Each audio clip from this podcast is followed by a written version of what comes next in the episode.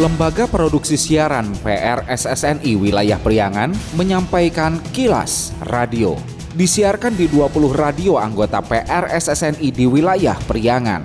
Dan kilas radio edisi kali ini di antaranya mengenai Pilkades serentak di 82 desa, Pemkap Garut maksimalkan pengamanan di kawasan rawan konflik.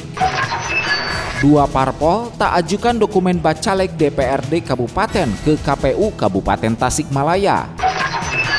Pendengar, inilah kilas radio selengkapnya. Kilas Radio. Kilas Radio. Kilas Radio. PR SSNI Jabar Wilayah Priangan.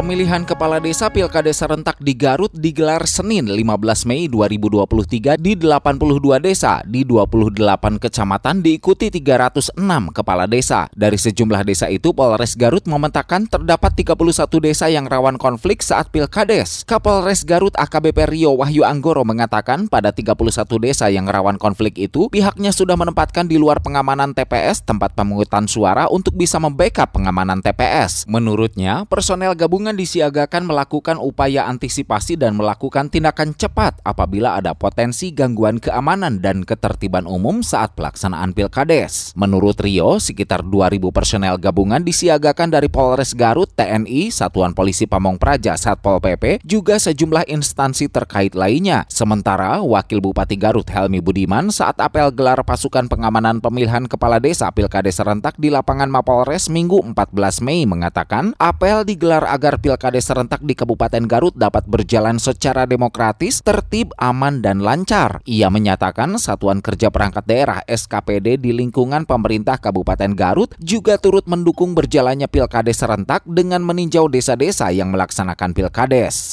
Kita mempersiapkan agar berjalan demokratis, tertib, aman, dan lancar termasuk para PNS juga diminta untuk mendukung. Karena kita sebarkan dinas-dinas dinas itu sudah kita bagi-bagi di desa-desa.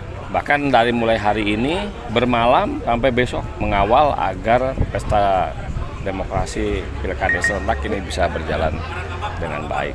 Termasuk kita kerahkan dari kepolisian dari TNI Satpol termasuk dari Linmas kita kerahkan semuanya agar tidak terjadi lagi kejadian yang pada gelombang satu.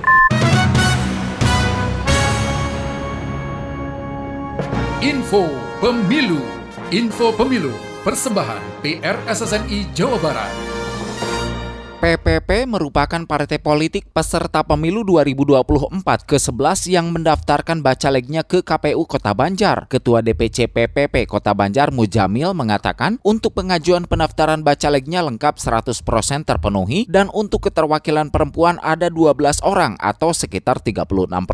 Menurut Mujamil, dengan 30 bacalek yang ada di tiga dapil Kota Banjar, PPP mempunyai strategi tersendiri untuk bisa meraih kemenangan di perhelatan pemilu 2024 mendatang. Kami mempersiapkan bakal caleg-bakal caleg yang emang menurut kami itu bisa diterima oleh masyarakat. Dan mudah-mudahan masyarakat bisa menerima bakal caleg kami bukan saja menerima tapi bisa memilih bakal caleg kami sehingga P3 di Banjar yang tadinya satu minimal per dapil ada syukur-syukur bisa masuk pimpinan di DPRD Kota Banjar. Partai Gerakan Indonesia Raya Gerindra di Kota Banjar juga telah resmi menyerahkan berkas pengajuan bakal calon legislatif anggota DPRD Kota Banjar. Berkas diserahkan secara langsung Ketua DPC Gerindra Sutarno ke KPU Kota Banjar Minggu 14 Mei sore. Sutarno menjelaskan pihaknya meyakini semakin semangat dan solid untuk kemenangan pemilu 2024 tak tanggung-tanggung dari empat kursi yang diraih pada pemilu 2019 menjadi tujuh kursi di pemilu 2024. Berapa persen karena incumbent baru empat kursi? Yang 2014-2019 sehingga berapa persen persentase dari 26 itu termasuk baru ataupun kader? Kalau kader yang pernah mencalonkan 2019 diperkirakan cuma kisaran 5 incumbent 4, jadi 9, semua kader-kader baru. Kilas Radio. PR SSNI Jabar Wilayah Priangan. Info Pemilu Info Pemilu Persembahan PR SSNI Jawa Barat. Masih informasi terkait Komisi Pemilihan Umum KPU Kota Banjar telah menerima pengajuan pendaftaran bakal calon anggota legislatif Bacaleg untuk DPRD Kota Banjar. Hingga Minggu 14 Mei jam 8 malam ada 13 partai politik dari 16 partai politik yang terdaftar. Ketua KPU Kota Banjar Dani Daniel Muklis mengatakan dari 16 partai politik yang terdaftar di KPU Kota Banjar menyisakan tiga partai politik lagi yang belum mendaftarkan bacalegnya dan sesuai ketentuan pihaknya menunggu hingga pukul 23.59 waktu Indonesia Barat. Menurut Dani, dari partai politik yang belum mendaftarkan bacalegnya hingga batas waktu yang ditentukan, KPU tidak akan memperpanjang waktu untuk pengajuan pendaftaran bacaleg. Di aturan kan sudah sangat jelas bahwa untuk pengajuan bakal calon ini dari tanggal 1 sampai tanggal 14, untuk waktunya dari tanggal 1 sampai tanggal 13 dari pukul 8 sampai pukul 16 dan untuk hari terakhir dari pukul 8.00 sampai 23.59. Jadi kita masih tunggu di beberapa waktu uh, ke depan untuk Partai Umat.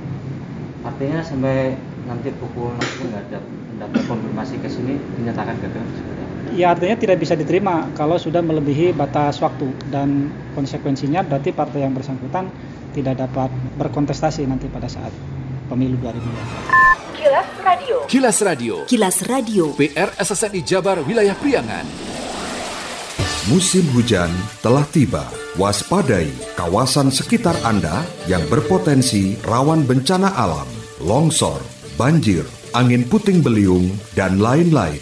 Siagakan diri kita setiap saat, setiap waktu untuk meminimalkan korban jiwa. Tingkatkan siskamling antar warga.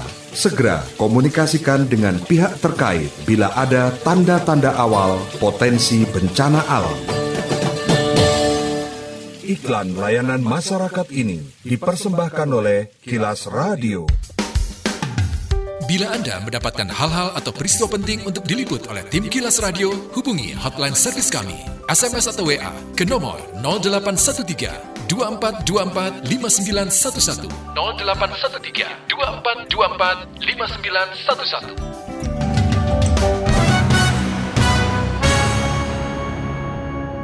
Info Pemilu Info Pemilu, persembahan PRSSNI Jawa Barat.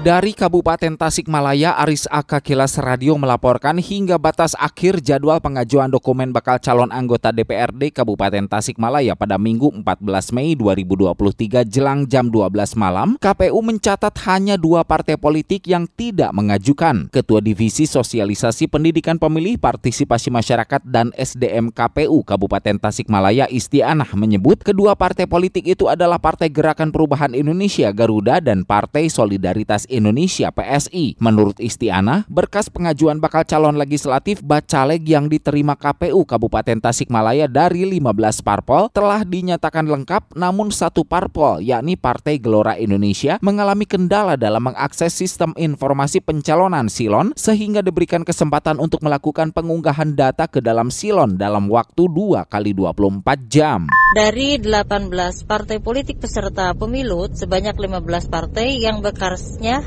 dinyatakan diterima dan lengkap yaitu eh, PKS pada tanggal 8 Mei, kemudian Partai Nasdem, Partai Demokrat dan PDI Perjuangan 11 Mei, Partai Amanat Nasional dan Partai Golkar yang mengajukan bakal calon pada tanggal 12 Mei, Selanjutnya Partai Bulan Bintang dan Partai Kebangkitan Bangsa mengajukan bakal calon pada tanggal 13 Mei dan pada hari kemarin, hari terakhir tanggal 14 Mei adalah Partai Gerindra, Partai Perindo, Partai Persatuan Pembangunan, Partai Hanura, Partai Umat, Partai Buruh dan Partai Kebangkitan Nusantara. Kemudian satu partai yaitu Partai Gelora juga mengajukan berkas persyaratan akan tetapi mengalami kendala dalam silon sehingga berdasarkan SE 47 dari KPU RI diberikan kesempatan untuk melakukan pengunggahan data ke dalam silon dalam waktu 2 kali 24 jam. Info Pemilu. Info Pemilu. Persembahan PR SSNI Jawa Barat KPU Kota Tasikmalaya merilis semenjak dibuka proses pendaftaran bakal calon legislatif anggota DPRD Kota Tasikmalaya pada 1 Mei hingga 14 Mei 2023, ada 18 partai politik di Kota Tasikmalaya telah mengajukan bacalegnya dan tak ada yang melewati batas waktu yang ditentukan. Komisioner Divisi Sosialisasi Pendidikan Pemilih Partisipasi Masyarakat dan Sumber Daya Manusia KPU Kota Tasikmalaya Yeti Nur Hayati mengatakan, pada hari terakhir pihaknya menerima pendaftaran Partai Gerindra, Hanura, Demokrat, Partai Umat, Perindo, Partai Buruh, PKN, Garuda, dan Partai Gelora. Satu parpol mengalami kendala dalam mengakses sistem informasi pencalonan Silon sehingga diberikan kesempatan untuk melakukan pengunggahan data ke dalam Silon dalam waktu 2 kali 24 jam. Menurut Yeti, bacaleg yang diajukan totalnya berjumlah 742 orang terdiri dari 470 laki-laki dan perempuan 272. KPU Kota Tasikmalaya menerima 9 partai, Partai Gerindra, Hanura, Demokrat, Umat, Perindo, Buruh, PKN, Garuda, dan Gelora. Keseluruhannya sudah melaksanakan mengajukan pendaftaran bakal calon anggota DPRD, akan tetapi di antara sembilan partai itu ada satu partai yang mengajukan secara manual dan kami melaksanakan sesuai dengan SE 476 dikarenakan silonnya terkendala. Akan tetapi semua berjalan lancar dan partai tersebut masih ada PR untuk mengupload dokumen-dokumen ke dalam silon selama 2 kali 24 jam. Kemudian kami sampaikan juga seluruh bakal calon anggota DPRD dari 18 partai kami merekap menghimpun sebanyak 742 orang bakal calon terdiri dari laki-laki 470 orang dan perempuan 272. Kepada Aris Aka, Yeti menambahkan selanjutnya KPU Kota Tasikmalaya akan melakukan proses verifikasi administrasi terhadap dokumen yang diajukan oleh parpol tersebut dari bacalegnya pada tanggal 15 Mei hingga 23 Juni 2023 mendatang. Kilas Radio. Kilas Radio. Kilas Radio. PR SSNI Jabar Wilayah Priangan. Sekian Kilas Radio. Saya Dido Nurdani beserta tim Kilas Radio Priangan. Salam PRSSNI. Kilas, Kilas. Radio.